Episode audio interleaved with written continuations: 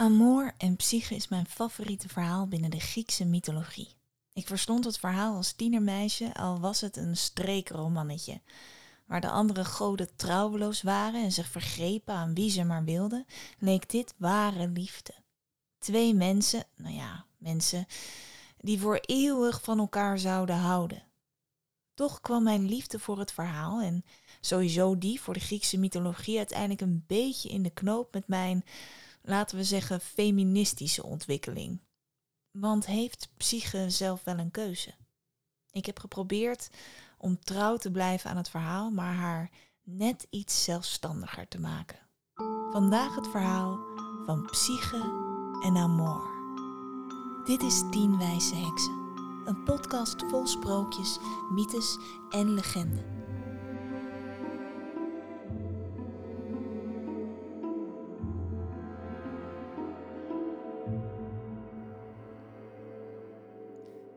Toen Psyche geboren werd, had de vroedvrouw verwonderd naar het mensje in haar armen gekeken.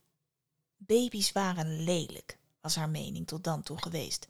Schattig, maar lelijk. Maar het wezentje dat hier op haar vuistje lag te sabbelen, was vanaf de eerste ademhaling van een niet te ontkennen schoonheid geweest. Hoewel Psyche haar koninklijke ouders de eerste jaren nog hadden opgeschept over hoe verblindend mooi hun dochter wel niet was, was rond haar zestiende verjaardag akelig duidelijk wat een vloek diezelfde schoonheid was. Waar er rijen mannen buiten hadden gestaan voor haar oudere zusters, was er geen man die de moed had om op de deur te kloppen voor Psyche. Het constante aangapen had Psyche enigszins immuun gemaakt voor de liefde alles waarvan een mens te veel krijgt, levert op den duur weerstand op. En de kwijlende mannen die haar passeerden in de straten hadden niet gemaakt dat Psyche was gaan verlangen naar een romantisch avontuur. Hoewel er misschien geen huwelijkspartners op de stoep verschenen, was het niet dat er geen aandacht was. Maar Psyche was zo indrukwekkend knap dat de mensen hadden besloten dat het niet anders kon dan dat het hier ging om een goddelijke gave. Het moest wel Afrodite zelf zijn die zich schuilhield in dit bijzondere gezicht. En dus begon het volk hun offers te verplaatsen. Afrodite, de godin van de schoonheid, haar tempel vereenzaamde en vulde zich nog enkel met stof en echo, terwijl de stoep van het paleis vol kwam te liggen met de mooiste landbouwproducten en andere offers nadat de koning op een avond zijn voet had verstuikt toen hij over de stapel cadeaus naar binnen had moeten klauteren, ging hij zuchtend zitten in zijn leunstoel. Ah, ik kan het niet meer aan, riep hij uit. Doe mij een oorlog, een mislukte oogst, een hardnekkige griep, maar dit niet meer. Een dochter die op zal groeien als oude vrijster en rot, het voedsel voor mijn deur. Hij jeukte verwoed in zijn baard, zoekende naar een oplossing voor het probleem. Maar uiteindelijk moest hij toegeven dat hij werkelijk niet wist wat te doen. Nou, er zit niks anders op, zei hij. Ik zal naar het orakel moeten en om raad vragen. En dus vertrokken de koning en Psyche de volgende dag naar het orakel. Het orakel zat in een diepe grot en er hing een penetrante putlucht om de vrouw heen. Psyche wilde haar neus dichtknijpen, maar haar vader keek haar streng aan. Ja, hallo, o wijs orakel, begon haar vader. Eh, wij komen voor een beetje raad. En hij legde wat offers voor zich neer die hij die ochtend vlug van de stoep had afgeraapt. Het orakel begon wat heen en weer te wiegen en te neurien. Die is niet goed, dacht Psyche en zuchtte zachtjes. In de diepte waar de monsters huizen wacht de sluwste op zijn kans. Zodra hij de wind hoort ruisen, vraagt hij zijn bruidendans. Aan een rots is zij gebonden, houdt het noodlot haar aan de lijn. Wordt zij door hem verslonden, zal haar bruiloften uitwaarts Psyche en haar vader liepen de berg af. Haar vader snikte hard en intens. Psyche liep een tijdje zwijgend achter hem aan, tot ze het niet meer uithield. En nu is het klaar, riep ze uit. Dat getweeën, dat gejank. had gehuild om mijn schoonheid, had Venus geëerd. Mende, pak op en breng me naar die rots. Het zal een zegen zijn. En zo geschiedde. Psyche werd een bruidskleed aangetrokken en vastgebonden op een rots. En na een tijdje naar hun voeten gestaard te hebben, zwaaiden haar ouders haar uiteindelijk gedag en daar hing ze. Alleen. Tot ze plots voelde hoe ze werd opgetild. Geschrokken keek ze om zich heen, maar daar was enkel de wind die haar van de rots de lucht indroeg. Zo zweefde ze een tijdje toen ze uiteindelijk werd neergezet in een groen grasveld. Om haar heen zag ze de mooiste tuinen die ze ooit had aanschouwd. En niet ver bij haar vandaan een paleis dat onmogelijk door mensenhanden gemaakt had kunnen worden. Dit was het paleis van een god. Voorzichtig liep ze naar de entree en opende de grote gouden deuren. Welkom, komt u verder? klonk een vriendelijke stem. Psyche keek verwonderd om zich heen. Er was niemand die bij de stem kon horen. En toch, ze was niet bang. Het paleis voelde veilig en warm en al snel werd ze omringd door meer onzichtbare stemmen. Vriendelijk en lief. Stemmen die haar favoriete gerechten voor haar bereidden, een warm bad klaarmaakten, haar mooie kleren aantrokken. En uiteindelijk viel ze in slaap in het zachtste, meest comfortabele bed waar ze ooit in had gelegen. Toen plotseling midden in de nacht in het stikdonker ze een warme hand op haar schouder voelde. Binnen twee seconden stond ze recht overeind in het bed in wat zij zelf een vrij geloofwaardige karatehouding vond. Een warme, diepe stem begon te lachen. Je bent echt leuk, zei hij. Leuk? vroeg ze onzeker. Nou, dit, ik ben vooral opgeleid in meerdere dodelijke vechtsporten. Hij lachte weer. Ja, indrukwekkend ben je ook. Het spijt me dat ik je heb laten schrikken. Goed, mompelde ze. Misschien moet je dan in het vervolg niet bij slapende meisjes hun kamer binnen snieken. Bleef even stil. Ik knik, zei hij toen. Maar goed, dat zie je uiteraard niet in het donker. Ja, misschien kunnen we een kaars aansteken, zei Psyche. En ze begon al te zoeken op haar nachtkaarsje. Nee, nee, nee, nee, nee, zei de stem vlug. Nee, je, ma je mag me niet zien. Hoezo niet? vroeg Psyche verwonderd. Ben je lelijk? Oh, maar dat geeft niks hoor. Ik heb lang geleden al geleerd dat schoonheid niks waard is. Het was weer stil. Je zit zeker weer te knikken, zei ze. Ja, lachte hij. En zo ging het, avond na avond. Overdag woonde Psyche in een prachtig paleis met alles waar ze maar naar kon verlangen. En s'nachts kwam hij, de man op wie ze al snel vreselijk verliefd begon te worden. En van praten kwam voelen en van voelen kwam, nou ja, laten we zeggen dat Psyche dan toch in dat romantische avontuur was beland. En hoewel ze bijna uit elkaar sprong van geluk, was er ook dat diepe verdriet. Psyche begon haar zusters te missen. En uiteindelijk knapte ze bijna uit elkaar van heimwee en stortte ze haar hart uit bij haar geliefde van de nacht. Hij haalde zijn neus op, zuchtte diep. Het zal je niks goeds brengen, zei hij. Als je ze werkelijk zo erg mist, dan zal ik ze laten halen. Maar dan moet je me beloven dat je ze niks over mij vertelt. Je bedoelt over hoe lelijk je bent, grinnikte Psyche. Psyche, ik meen het, het zijn loeders, vertrouw me, zei hij streng. Ik knik, zei Psyche. De volgende dag was het de wind die Psyche haar zusters afleverde voor het paleis. Vol verbazing keken ze hoe hun kleine zusje de deur uit kwam rennen. Niet verslonden door een of ander monster uit de diepte, maar met roze wangen en flink wat aangekomen van al het heerlijke voedsel. En hoewel ze heel vriendelijk deden, voelden ze met alle rijkdom die psyche omringde een diepe afgunstig meester maken van hen. Denkend aan de oude mannen met wie zij zelf getrouwd waren, de te verwaarloze rijkdom die ze daarmee hadden ontvangen. En uh, welke man huist er dan hier met jou eigenlijk in dit paleis? vroeg de oudste. Nou, Psyche haalde haar schouders op. Hij is een uh, jonge zakenman en, en meester van huis. Hier, neem nog een cupcake. En na het dessert werden de zussen weer meegenomen door de wind. Die nacht legde haar geliefde zijn oor op haar buik. Zeg, hoeveel cupcakes zitten hier precies in? vroeg hij. En hij begon met zijn vinger in haar buikje te duwen. Eén, twee, drie. Vier? Nee, riep Psyche uit.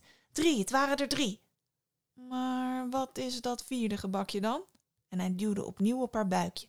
Nee, maar ik weet zeker, begon Psyche voordat ze stilviel. Bedoel jij? Ik knik, zei hij. Die vierde, dat is ons gebakje. Ons kindje groeit in jouw buik. Maar dat moeten mijn zussen weten, riep ze uit. Ah, toe, laat ze morgen weer komen, alsjeblieft.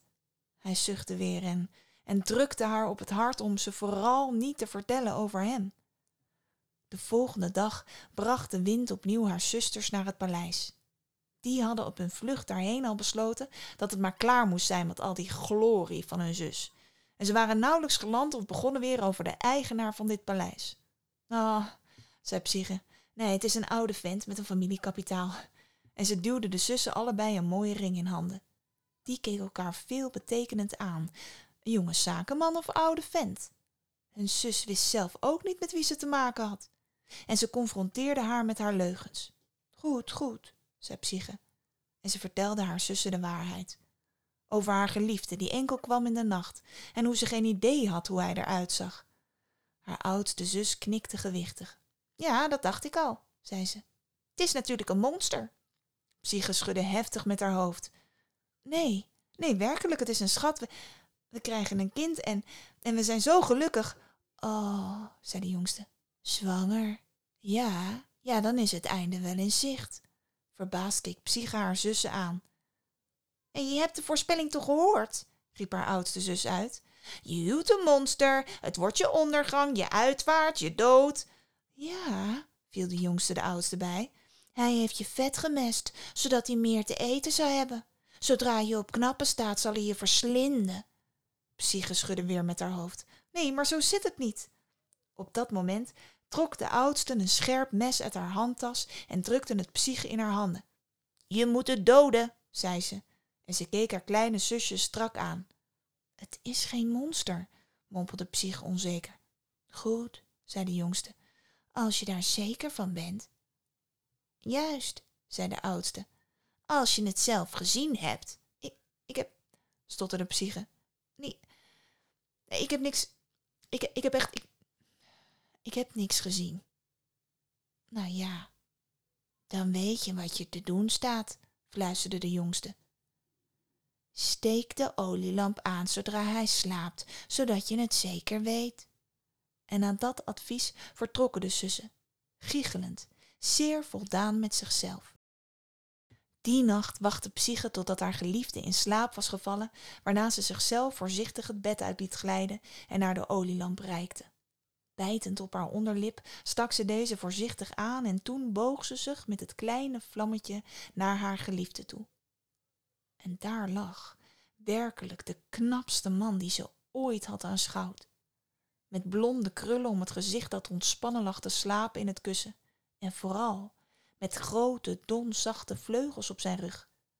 Psyche wist gelijk wie dit was. Dit was Amor. Cupido, Eros, de god van de liefde zelf, lag naast haar in diepe slaap. Haar hart begon harder te kloppen, haar wangen kleurden rood. Haar vingers trilden iets waardoor ze even de grip verloor over de olielamp en een paar druppels hete olie op zijn schouder terechtkwamen. Met een schreeuw kwam hij overeind, greep naar zijn schouder. Met zijn ogen wijd open gesperd keek hij naar Psyche. Wat heb je gedaan? vroeg hij.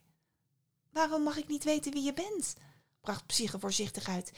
Ik, begrijp het niet, je bent volmaakt. Amor schudde met zijn hoofd. Volmaakt, Psyche? Hoor je wat je zegt?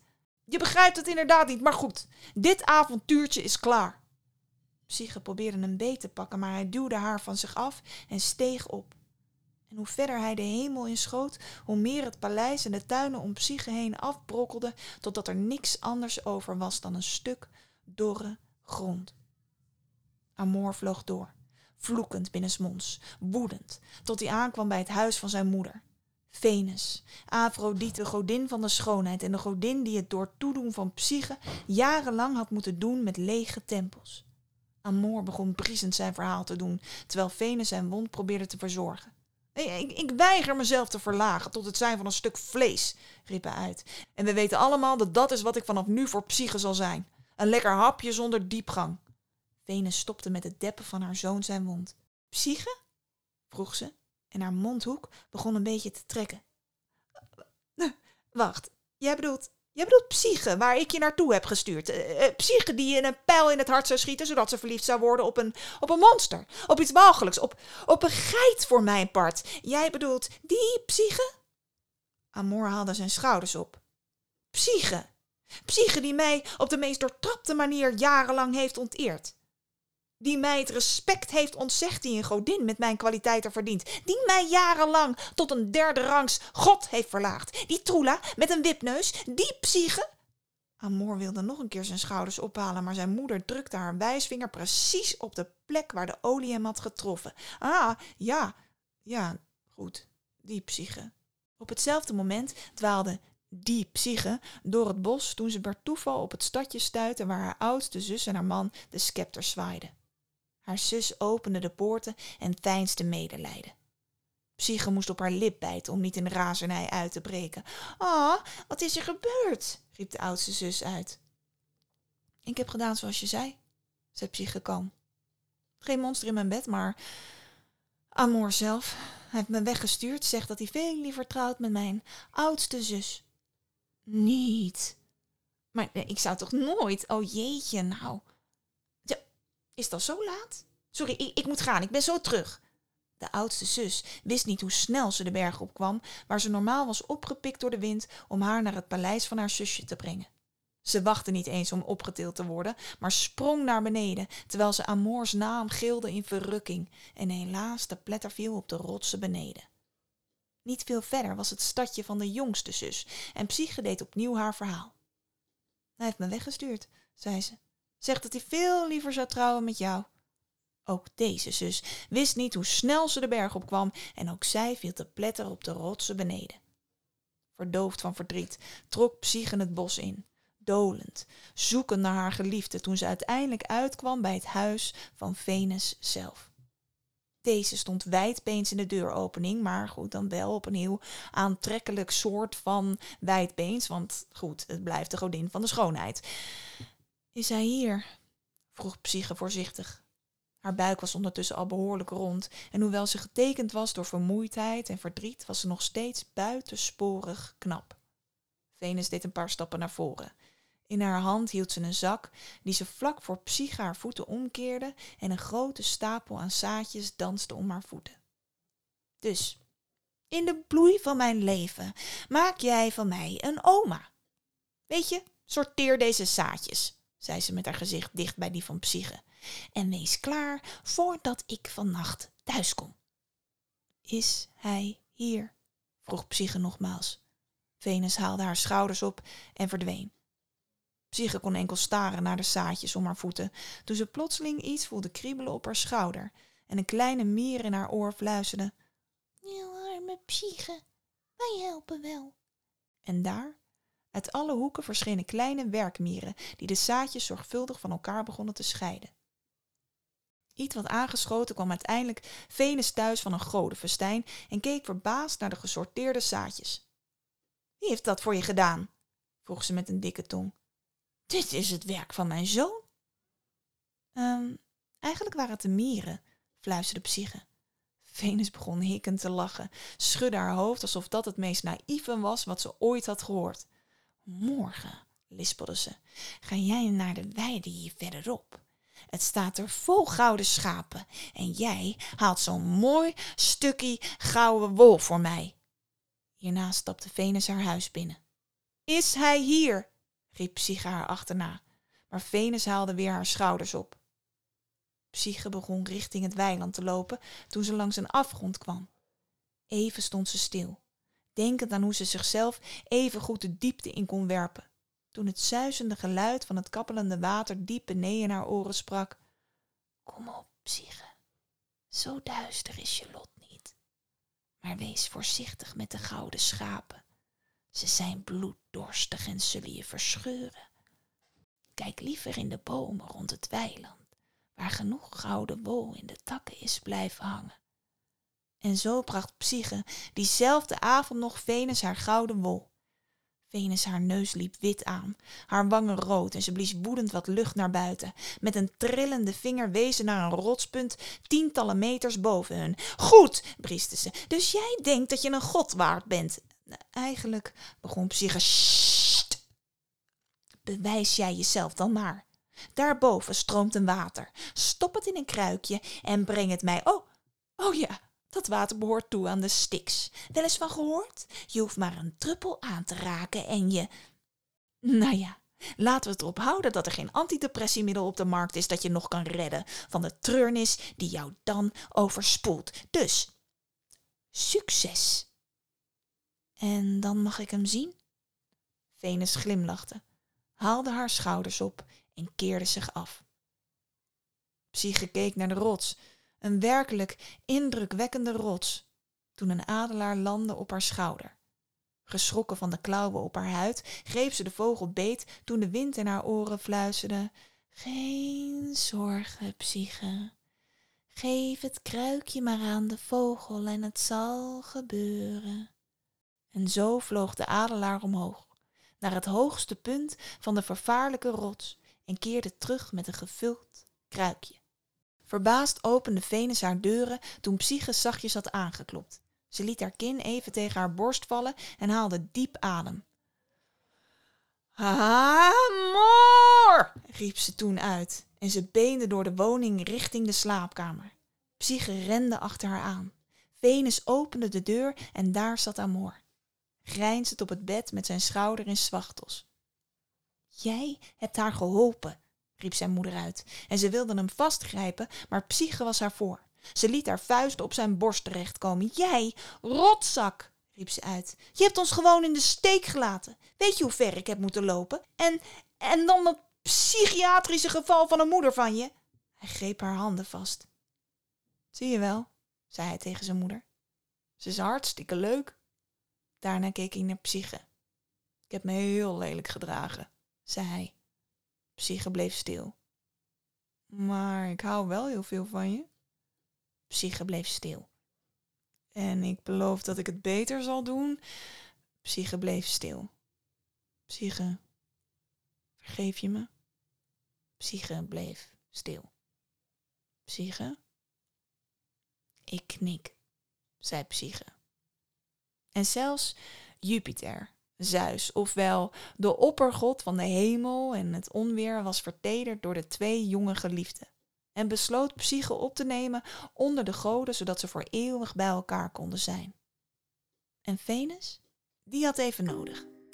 Maar haar hart smolt uiteindelijk toen een klein meisje geboren werd, genaamd Genoegen. Dit was Tien Wijze Heksen een podcast van Robin Amaranta en Thijs Gilbert. Tot de volgende keer.